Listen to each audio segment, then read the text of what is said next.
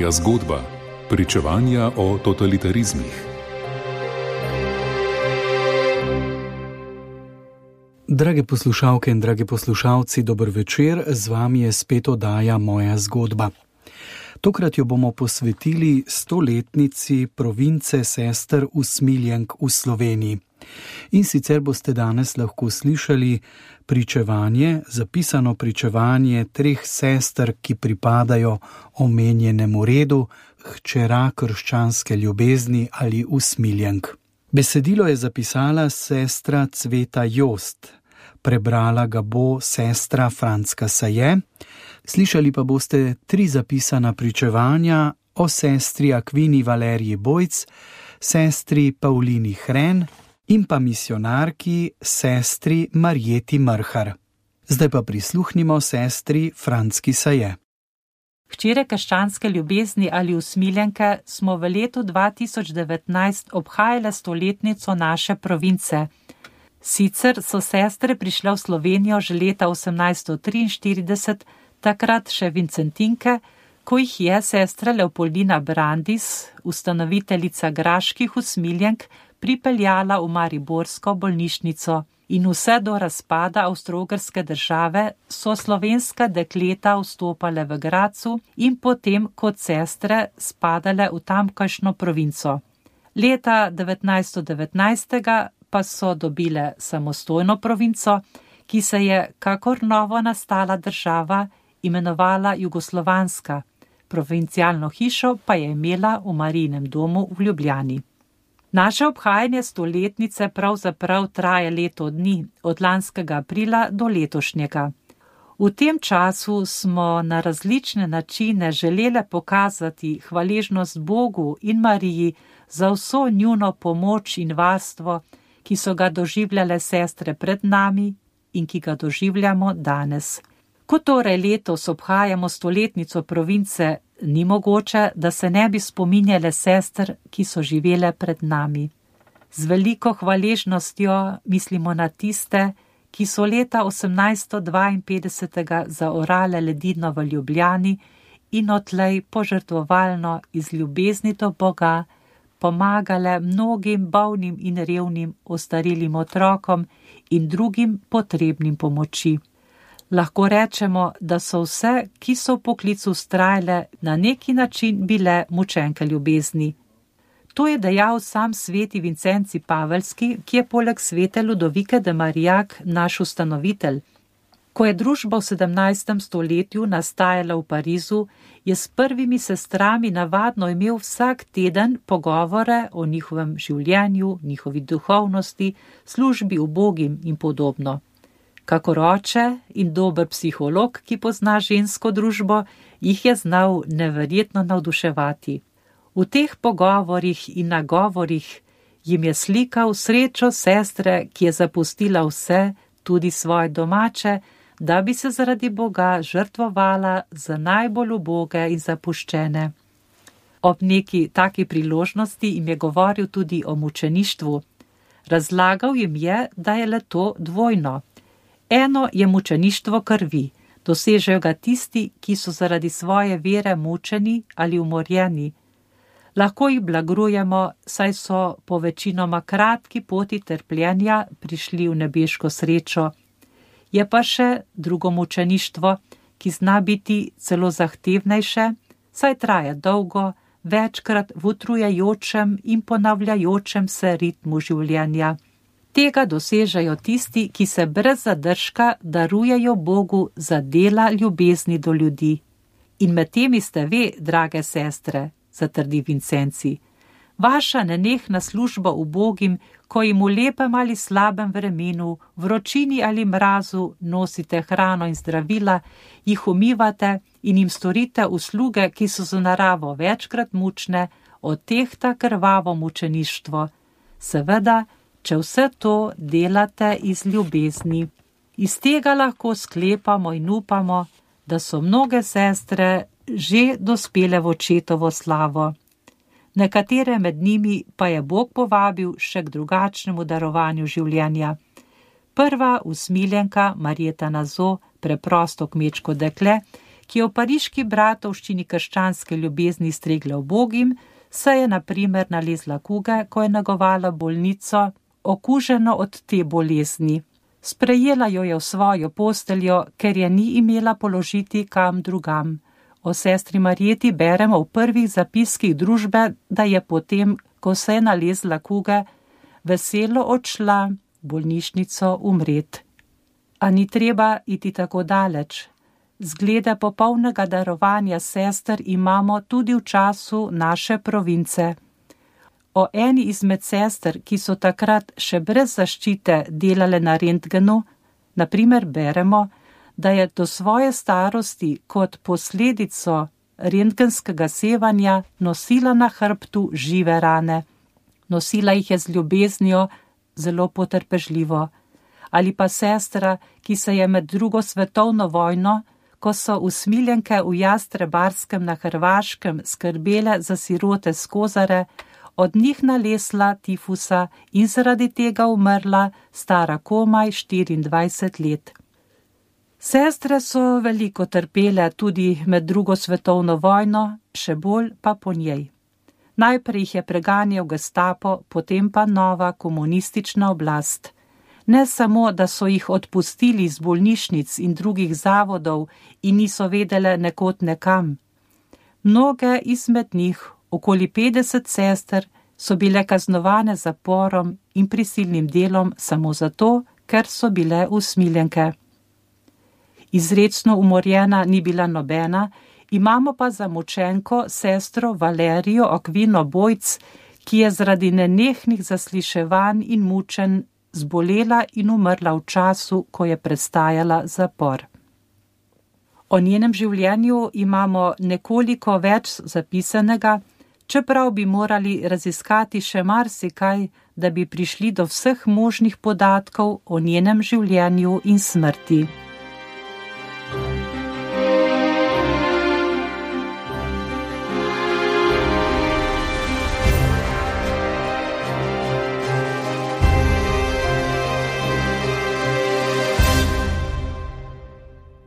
Sestra Akvina Valerija Bojc je bila rojena 5. decembra 1904. v župniji Vače. Usmiljenka je postala leta 1923 in je na to delovala v raznih sestrskih zavodih. Ker je bila usposobljena za knjigovodstvo, je večinoma delala v zavodskih pisarnah. Na zadnje leta 45. je bilo njeno delo v pisarni in na porti v sanatoriju Leonišča v Ljubljani. Prvič je bila zaprta pod Nemci od 1. do 14. marca 45. ker je iz sanatorija ušel okupatorju politično sumljiv bolnik. Sestre, ki so delale v tako znanem sanatoriju, kot je bilo Leonišče, so bile v težavnem položaju pomagale so ranjencem z ene ali druge strani. Mnogim so skupaj z zdravniki rešile življenje, nekaterim so omogočile pobeg, druge so skrivale. Ko je sestra Kvina leta 45. zvedela, da jo tajna politična policija ali ozna išče, se je skrivala po raznih sestrskih postojankah v Makedoniji in Srbiji, a so ji povsod sledili. Aretirana je bila 1. septembra 1948 na Dedinju v Beogradu. Neka vohunka, preoblečena v redovnico, jo je obiskala in želela govoriti z njo. Sestra Akvina ji je v svoji poštenosti zaupala. Takoj po tem pogovoru je sestro Bojc prišla aretirati Osna. Bila je obtožena, češ, da je sodelovala s sovražnikom zaprta je bila v Ljubljani in v Reichenburgu. Kaj je sestra Akvina preživljala v zaporu, je zapisala ena izmed sester, Pavlina Hren, ki je bila takrat še dekle v katoliški akciji in je bila zaprta skupaj z njo. Njeno pričevanje je bilo objavljeno v našem internem glasilu doma leta 1994. Bila sem v zaporih v Ljubljani na Poljanskem nasipu. To so bili preiskovalni zapori, bile so večje sobe in samice za eno samo osebo. Najhujše so bile temnice v kleti, kjer ni bilo nobenega okna. V februarju 1949. pripelje paznik v našo sobo, kjer nas je bilo že 12 zapornic, srednje veliko ženo v kmečki beli ruti in s krilom do tal. Vsa shujšana in bleda in z odjoka iz dolbenih oči se je tiho predstavila, da je Valerija Bojčeva. Nekatere jetnice, ki so bile tu že dolgo, so jo poznale in povedale, da je že bila tu pred štirimi meseci. Po nekem zasliševanju so jo na mesto na sodišče odpeljali v temnico, ker ni priznala potikanj in laži. Bila je do kraja izčrpana, ni hotela ne govoriti, ne jesti. Hrana v preiskovalnem zaporu je bila slaba, zjutraj črna kava, divka, malo kruha, opovdne krop z malo črvivega fižola. Na bojčevi smo mogli ugotoviti znake prestanega trpljenja, zaradi katerega se je pojavila duševna zmedenost. Sredi noči se je oblačila, da bo šla domov ali k maši. Večini od nas se je smilila in smo izkušale pomagati. Meni je še kar zaupala, na naše prigovarjanje je spet začela jesti. Druge, ki so bile obtožene lažjih prestopkov, so prejemale pakete in delile z njo nekaj hrane. Ona sama ni dobila nobenega paketa, niti pošte. Pisem v tem zaporu jetniki niso dobivali, tudi obiskov ne. Ugotovila smo, da je to sestra usmiljenka. Polagoma se je vživela med nami in tudi kaj šaljivega povedala. Bila je preprosta duša, a zelo inteligentna, plemenita in dobra.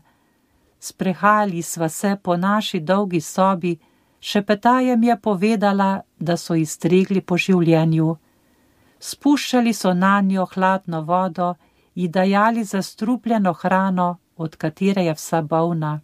Po noči so jo klicali na zaslišanje iz temnice v močno razsvetljeno sobo, da ni mogla nič gledati. Polagoma so ji živci popustili, da skoraj ni več vedela za sebe. Najhuje ji je bilo, ker tudi moliti ni več mogla, ne znala, samo še pobožne zdihljaje je mogla ponavljati. Moj Bog usmiljen je, Jezus Marija, pomagajta. Čutila je, da je bolna.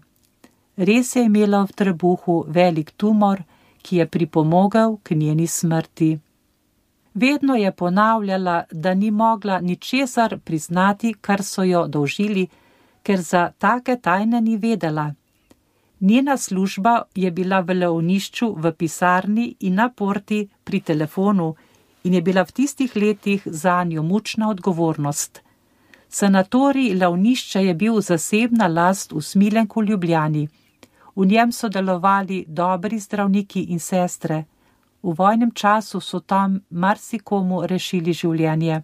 Skupini ranjencev so bili italijanski, nemški, hrvaški in slovenski vojaki, največetniki pa tudi nekateri partizani. Sestra je o njih nekaj vedela, večinoma pa je bilo vse v tajnosti. Res je ona nekaterim od teh pomagala pobegniti, kadar je bilo za nje nevarno. Zato so jo Nemci zaprli že leta 1945. v marcu. V levnišču se je namreč skrival neki plavogardist, ki so ga Nemci iskali in je od tam pobegnil. Od sestre Bojc je tajna policija pričakovala več odkriti, zato so jo hoteli prisiliti, da potrdi in podpiše njihove izjave ko se je začela pojavljati njena živčna bolezen in duševne blodnje, so trdili, da se pretvarja, zaradi njene neprištevnosti je niso mogli dati pred sodišče in tako se je njena razprava vlekla v nedogled. V najnih pogovorjih sva skušali ustvariti molitveno razpoloženje in moliti potiho. Na glas ni bilo dovoljeno moliti, vendar nam nihče ni mogel zabraniti, da se ne bi potihem pogovarjale z Bogom. Sestra Kvina si je malo pomogla in je bila kmalo klicana na sodišče. Bila je obsojena na osem let strogega zapora. Šele jeseni 14.10.1949 je z našo skupino šla v poboljševalni dom v Reichenburg na prestajanje kazni. Težke poti od železniške postaje Brestanica do vrha hribe, kjer je bil starodavni grad, pred vojno so bili tam trapisti, ne moram nikoli pozabiti. Utrujeni in od dveh noči neprespani smo se počasi pomikali po strmem hribu. Kolona se ni smela pretrgati, zato so nas naši stražniki na vso moč priganjali, da bi prišli do gradu še po noči, da nas ljudje ne bi videli. Bila je popolna tema, pripravljal se je meglen jesenski dan. Stokale smo po težo bremena, vse, kar smo imele, smo nosile v kartonskih škatlah. Skušala sem pomagati sestri Akvini, ki je imela seboj sestrsko obleko in tri dežnike. Bila je tako slabela, da ni mogla več hoditi. Nekatera bolj močna dekleta so jo morale skoraj nesti do vrha. Vsi smo bili res popolnoma nemočni, sestradani in prav nič usposobljeni za hojo, saj smo že skoraj leto dni sedeli po zaporih.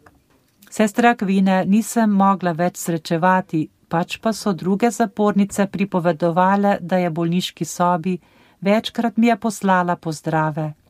Verjetno je kdaj molila zame, da bi postala sestra. Nekoč sem jo slučajno srečala na hodniku, pozdravila sem jo in obe sva jokali. Bila je zelo spremenjena.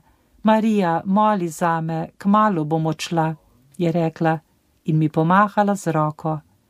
Res je čez par tednov odšla v spremstvu straža v Ljubljano v bolnišnico in tam umrla na oddelku, kjer so bili bolniki pod stražo. Trpela je vdano in vse sprejemala iz božje roke. Kot sem pozneje slišala, je imela krščanski pogreb. Če pa je mogel duhovnik do njene bolniške postelje, mi ni znano. Morda ji je Bog dal to milost, a takrat je to moralo biti v strogi tajnosti.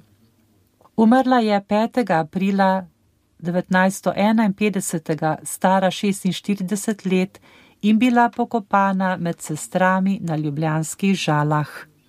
Ko smo bolnice v Reichenburgu zvedele za njeno smrt, smo z olajšanjem vzdihnile, Bog ji daj večni mir, rešena je.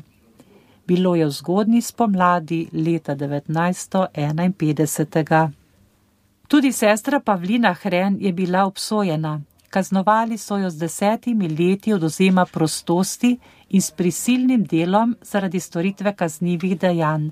Prestala je pet let zapora in bila potem pomiloščena postala je usmiljenka in sama, preizkušena v trpljenju, pomagala mnogim bolnikom in preizkušenim.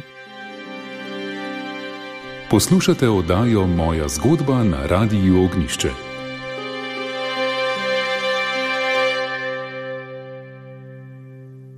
Usmiljenka v zaporih in na prisilnem delu. Kot rečeno, mnoge od sester, ki so jih leta 1948 odpustili oziroma pregnali z bolnišnic in drugih zavodov v Sloveniji, niso imele kam. Šle so, kamor so mogle, k domačim ali drugim ljudem, ter nadaljevale svoje dotedanje poslanstvo, čeprav na drugačen način. Nekatere so obiskovale bolnike po domovih in jim stregle, ljudje so jih imeli radi, oblast pa jim je to delo prepovedala. Kot smo slišali, so bile nekatere v zaporih in odvedene na prisilno delo. Iz različnih vzrokov je bilo v letih 1945 do 1951 obsojenih ali zaprtih okoli 50 sester, nekatere celo dvakrat ali trikrat. Obtožene so bile sabotaž, skrivanja državi sumljivih ljudi, sodelovanje z okupatorjem, širjanja sovražne literature, ker se v skupnostih in zunaj njih niso pridružile udarniškemu delu, je bilo leta 1949 aretiranih 14 sester, ki so živele v skupnostih na Raki, v Svetem križu pri Litiji, v Šentrupertu na Dolenskem in v Škrilju pri Moravi. Istega leta je bilo aretiranih tudi pet sester, ki so živele zunaj skupnosti, leta 1953 pa še nekaj sester, točnega števila ne vemo, iz skupnosti svetega Jakoba ob Savi. Ohranjena je zapisana pripoved ene od sester, ki jo je doletela ta usoda. Ko smo so sestro prispeli na določen kraj, so naju zaprli v sobo, kjer so bile že štiri sestre. V sobi ni bilo postelj, spale smo kar na tleh. Na zaslišanju so nas obsodili na 27 mesecev prisilnega dela. Čez dva dni so nas odpeljali v Verdring, tam je namreč bilo žensko delovno taborišče za politične zapornice. Pridružile smo se okrog 750 ženskam različnih poklicev. Verdring ali Ferdring je raztresena naselbina v dolini ob občinski poti 4,5 km od ceste Mozel-Nemška Loka. Dostop je bil možen samo z vozom. Nadmorske višine ima 528 metrov, spada v župnijo Mozel, ima podružnično crkav svetega krstnika, nemški okupator je vas požgal.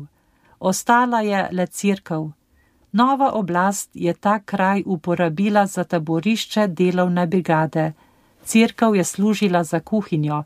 Tukaj so usmiljenke skupaj z drugimi zapornicami živele tri mesece v velikem pomankanju.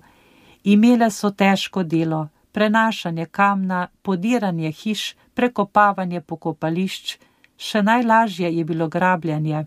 Kadar so bili cerkveni prazniki, so jih še bolj priganjali k delu.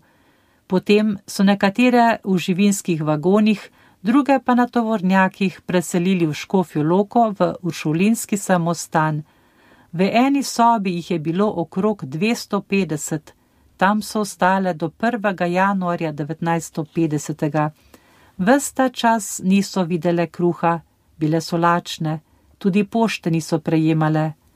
V začetku februarja 1950. so dovolili, da sme domov pisati tista, ki med prestajanjem kazni ni bila kaznovana in se je lepo obnašala. Tudi pakete so začele prejemati. Tu so ostale do 9. aprila 1950, na to so jih preselili v trapistovski samostan v Reichenburg, kjer so ostale do 11. maja 1950. Odpustili so jih z naročilom, da morajo čez 14 dni v državno službo. V zapor je bila odvedena tudi provincialna asistentinja sestra Justa Slana, ki pa je bila izpuščena zaradi dane obljube o svoji zaposlitvi. Predstojniki sprva sploh niso vedeli, kam so bile sestre odpeljane. Starši sestre Krispine Šribar, ki je bila odpeljana iz Škrilja, so 3. septembra 1949 poslali na rako dopis, ki so ga prijeli iz Kočevja. V njem jim je bilo sporočeno, da je bila sestra Krispina kaznovana zaradi izmikanja delu in neuključitve v plansko delo. Kaznovana je bila s tremi meseci poboljševalnega zapora in dvema letoma družbeno koristnega dela. Pozneje so predstojniki izvedeli še za druge sestre živeče zunaj skupnosti, ki so bile odpeljane na prisilno delo. Še marsikaj bi mogle povedati in zapisati o sestrah, ki so že med vojno in zlasti po njej trpile veliko krivic. Vendar so kljub temu vedro gledale v prihodnost, saj so verovale Jezusovim besedam, da bo tiste, ki ga bodo priznali pred ljudmi, sam priznal pred nebeškim očetom. Svojemu poklicu se niso izneverile, ker so same izkusile trpljenje, so še bolj razumele druge in jim po svojih najboljših močeh pomagale.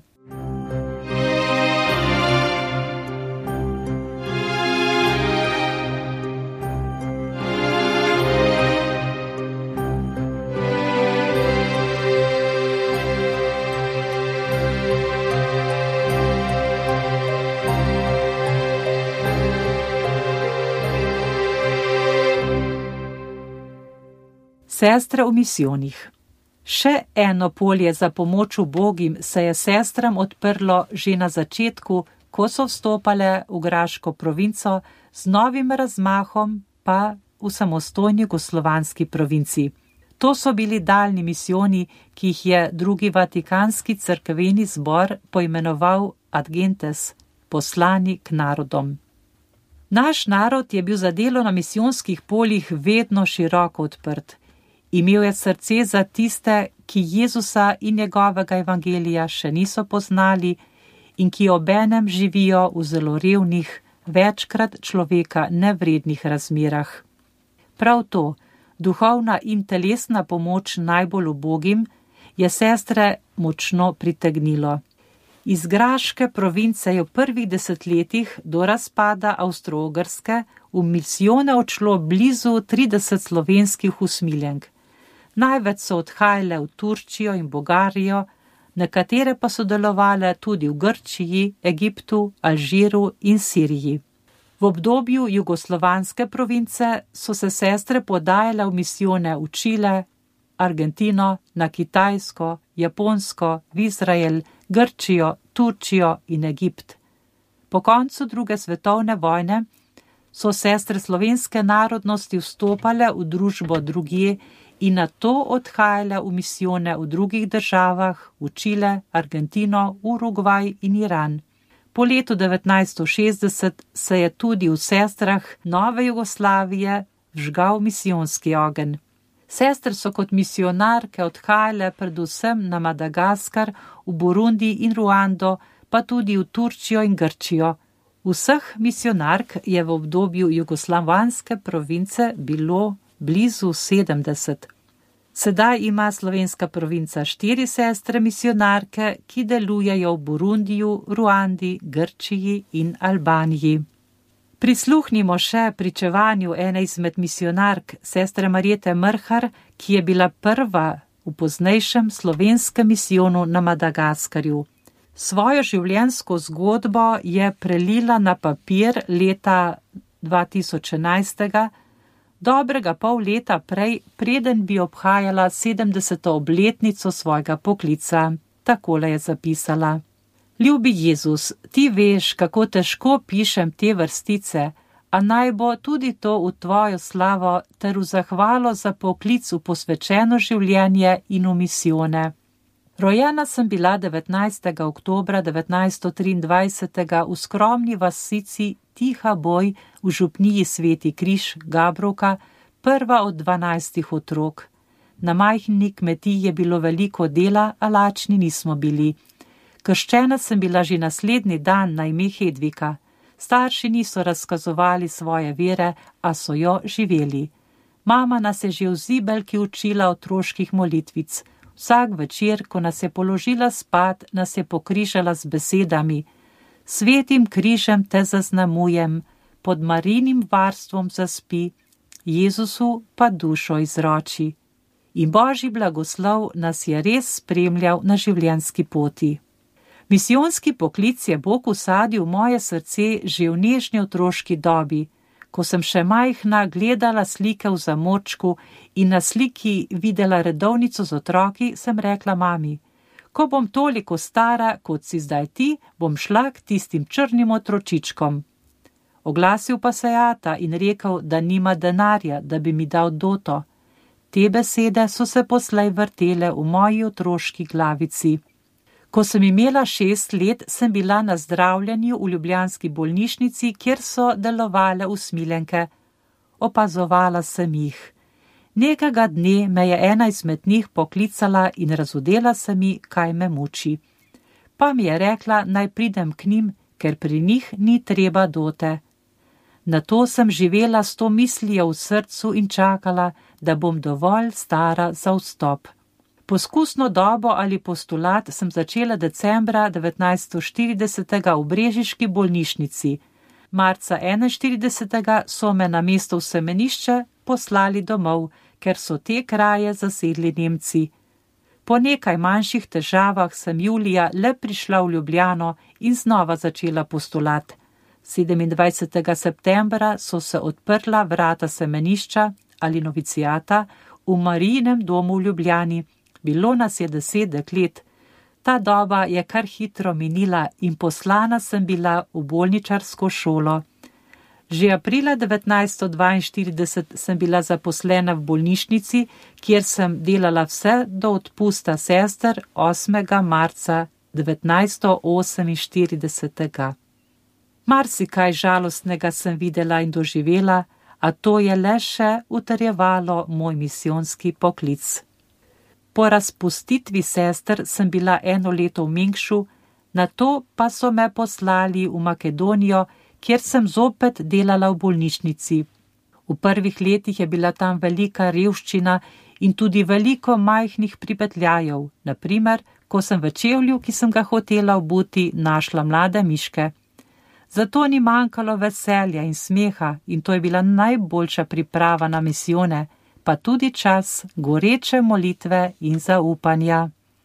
Ko sem leta 1959 končala srednjo medicinsko šolo in naredila še državni izpit, sem zaprosila predstojnike, da bi mi pomagali priti v misijone.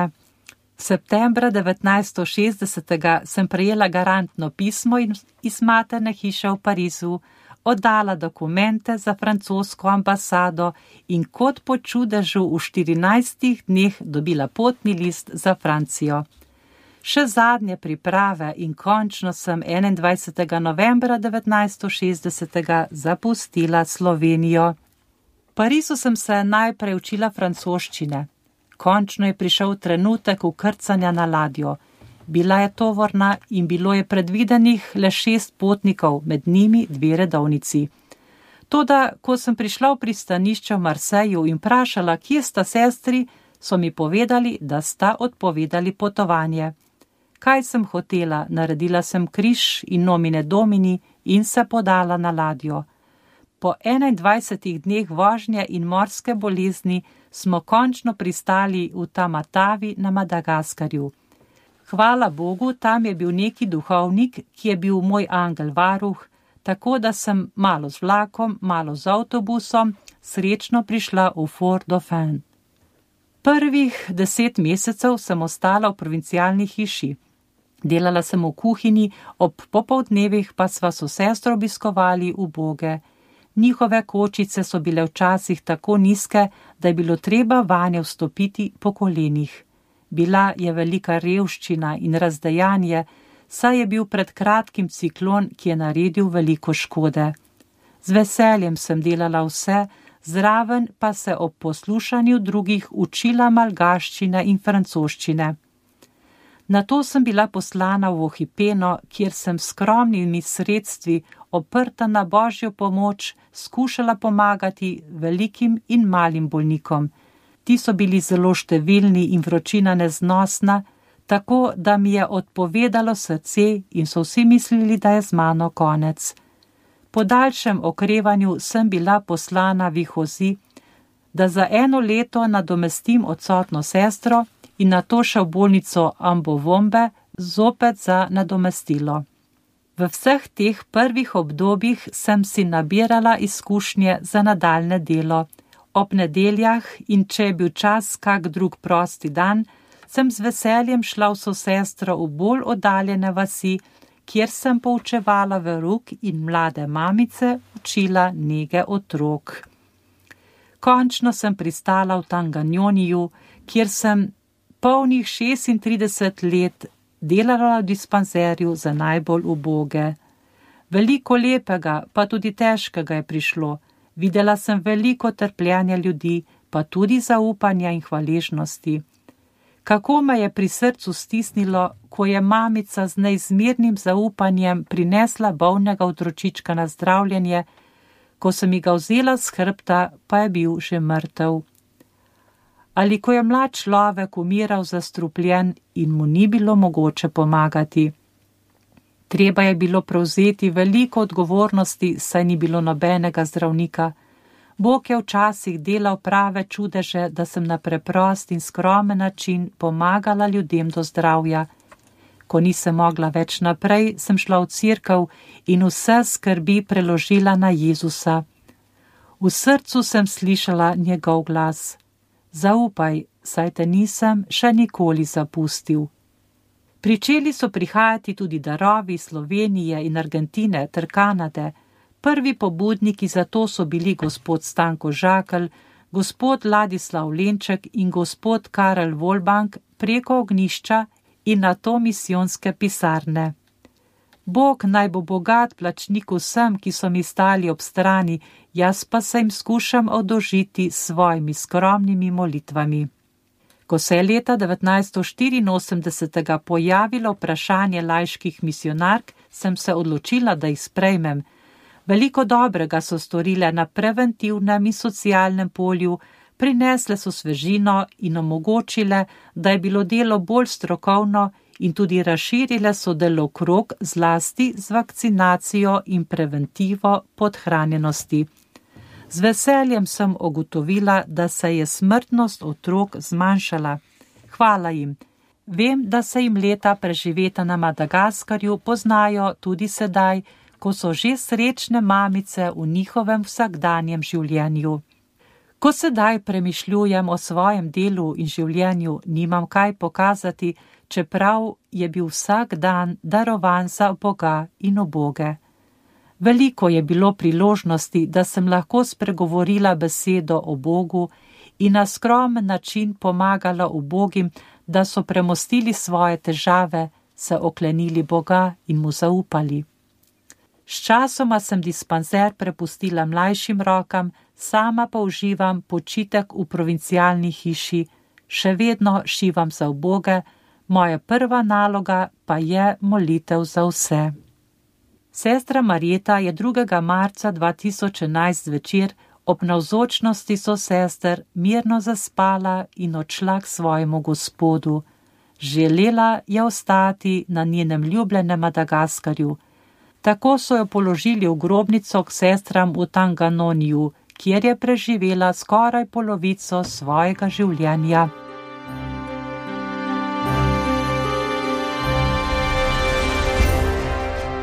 Z vami Radio Ognišče oddaja moja zgodba. Njene so sestre iz provincialne hiše v Fordofenu, kjer je preživela zadnja leta, so njej zapisale. Sestra Marjeta je bila misionarka na Madagaskarju 50 let, delovala je na različnih postojankah. Ko se je njeno srce utrudilo do konca, je 11. februarja 2011 prejela bolniško maziljenje. Še enkrat je bila deležna te milosti deset minut pred smrtjo. Do zadnjega diha je bila pri zavesti in njene zadnje besede so bile: Jezus, zaupam vate. Sestra Marjeta je bila globoko združena z Bogom, Vsak dan, preden se je podala na delo, se je ustavila v kapeli, da mu je darovala dan v Boga, ki mi je služila in svoje sosestre. Posebno je častila svetega Jožefa in Marijo, edino mater družbe hčera krščanske ljubezni in zelo rada molila rožni venec. Z njo se je bilo prijetno družiti, Ljubila je v Boge in bila vedno pripravljena narediti uslugo za nje ali za sosestre v skupnosti. V bolezni se ni zaprla vase, ampak je pogumno prenašala starostne tegobe. Za svoje najmlajše prijatelje je šivala srajčke, oblekice in hlačke ali pa pletla kapice. Preprosta in tiha ni poslušala svoje utrujenosti, ne se pritoževala. Vse to je zmogla, ker se je nenehoma poglabljala v Božjo besedo in z vsem srcem prejemala Jezusa v sveti Euharistiji. Tudi znani prijatelj ubogih, škof Pierre Zevako, Lazarist, je na sestro Marjeto ohranil hvaležen spomin. Prvič sem jo srečal, ko sem od novembra 1967 do junija 1968 z njo delal v dispanzerju v Tanganjoniju v škofiji Faramfangana. Kar sem mogel na tej goreči misionarki opaziti, lahko povem v enem stavku. Živela je v polnosti vsak dan in v vsej resnici, ideal prave hčere krščanske ljubezni, služabnice v bogih, služabnice Jezusa Kristusa, navzočega v bogih bolnikih. Na najno skupno delo v služenju ubogim bolnikom imam lepe spomine, bilo je to bratsko sodelovanje. Zlasti je izstopala njena preprostost, preprost je bil njen smeh, s katerim je sprejemala bolnike in je razsvetljiv njen obraz, ko mi je pristopala z velikim spoštovanjem. Ta preprostost, ta nasmeh, to spoštovanje do ubogih kažejo, da je sestra Marjeta v živi veri gledala samega Jezusa, ki je obog in bolan prihajal k njej, da bi mu pomagala. Obrnite svetinjo, je rekel sveti Vincenci, in v luči vere boste videli, da v tem ubogem, v tem bolniku živi sam Jezus. Drugo, kar je na sestri Marjeti izstopalo, je bila blagost, s katero je pristopala k bolnikom. Njena velikodušnost, ko ni štedila svojih moči, in njena blagost sta dokazovali, da je vzela za res Jezusove besede iz prilike o usmiljenem Samarijanu. Vsak bolnik je bil za res njen bližnji. Videl sem tudi njeno potrpežljivost in nenehno zvestobo v služenju Bogim. Videl sem jo vsak dan v njej in v njeni malgaški sosestri, sestri Albini. Ko sem sam po štirih urah dela začel postajati nervozen in lačen, sta mi obzirno dejali: Oče, bolniki še čakajo. In ta klic obeh sester, ene misionarke evropejke in druge malgašinje, mi je jasno razodeval ponižno služabnico bogih. Učite se od mene, je dejal Jezus, ker sem krotak in iz srca ponižen, ter blagor ubogim v duhu. In ko sem aprila 2010 zadnjič na tem svetu videl sestro Marjeto, zdaj bolno in obteženo z visokimi leti, sem se zahvaljeval Gospodu, da mi je izkazal milost, da sem mogel skupaj z njo toliko časa skrbeti za bolnike v bratsko-sestrinskem sodelovanju. Zahvalil sem se tudi sestri Marjeti za njen zgled služabnice, preproste, blage in ponišne, ki v polnosti živi evangelski in vincencijanski ideal ljubezni. Po njej bodo vsi spoznali, da ste moji učenci.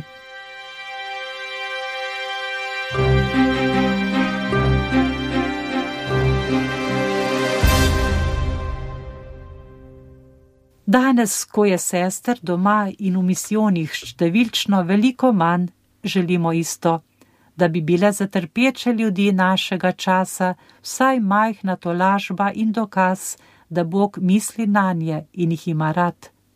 Gospoda prosimo, da bi na priprošnjo pokojnih sester v družbo še poklical dekleta, ki bi bile pripravljene nadaljevati naše lepo delo.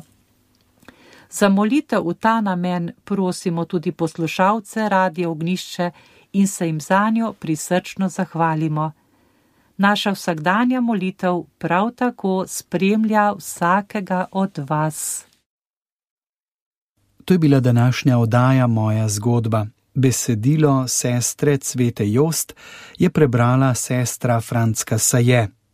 Ob stoletnici province, hčera krščanske ljubezni ali usmiljenk, ste lahko slišali pričevanje o treh sestrah, sestri Akvini Valeriji Bojc, sestri Paulini Hren in pa misionarki sestri Marjeti Mrhar. Odajo sem uredil Jože Bartol, tehnična izvedba Boštjan Smole. Moja zgodba.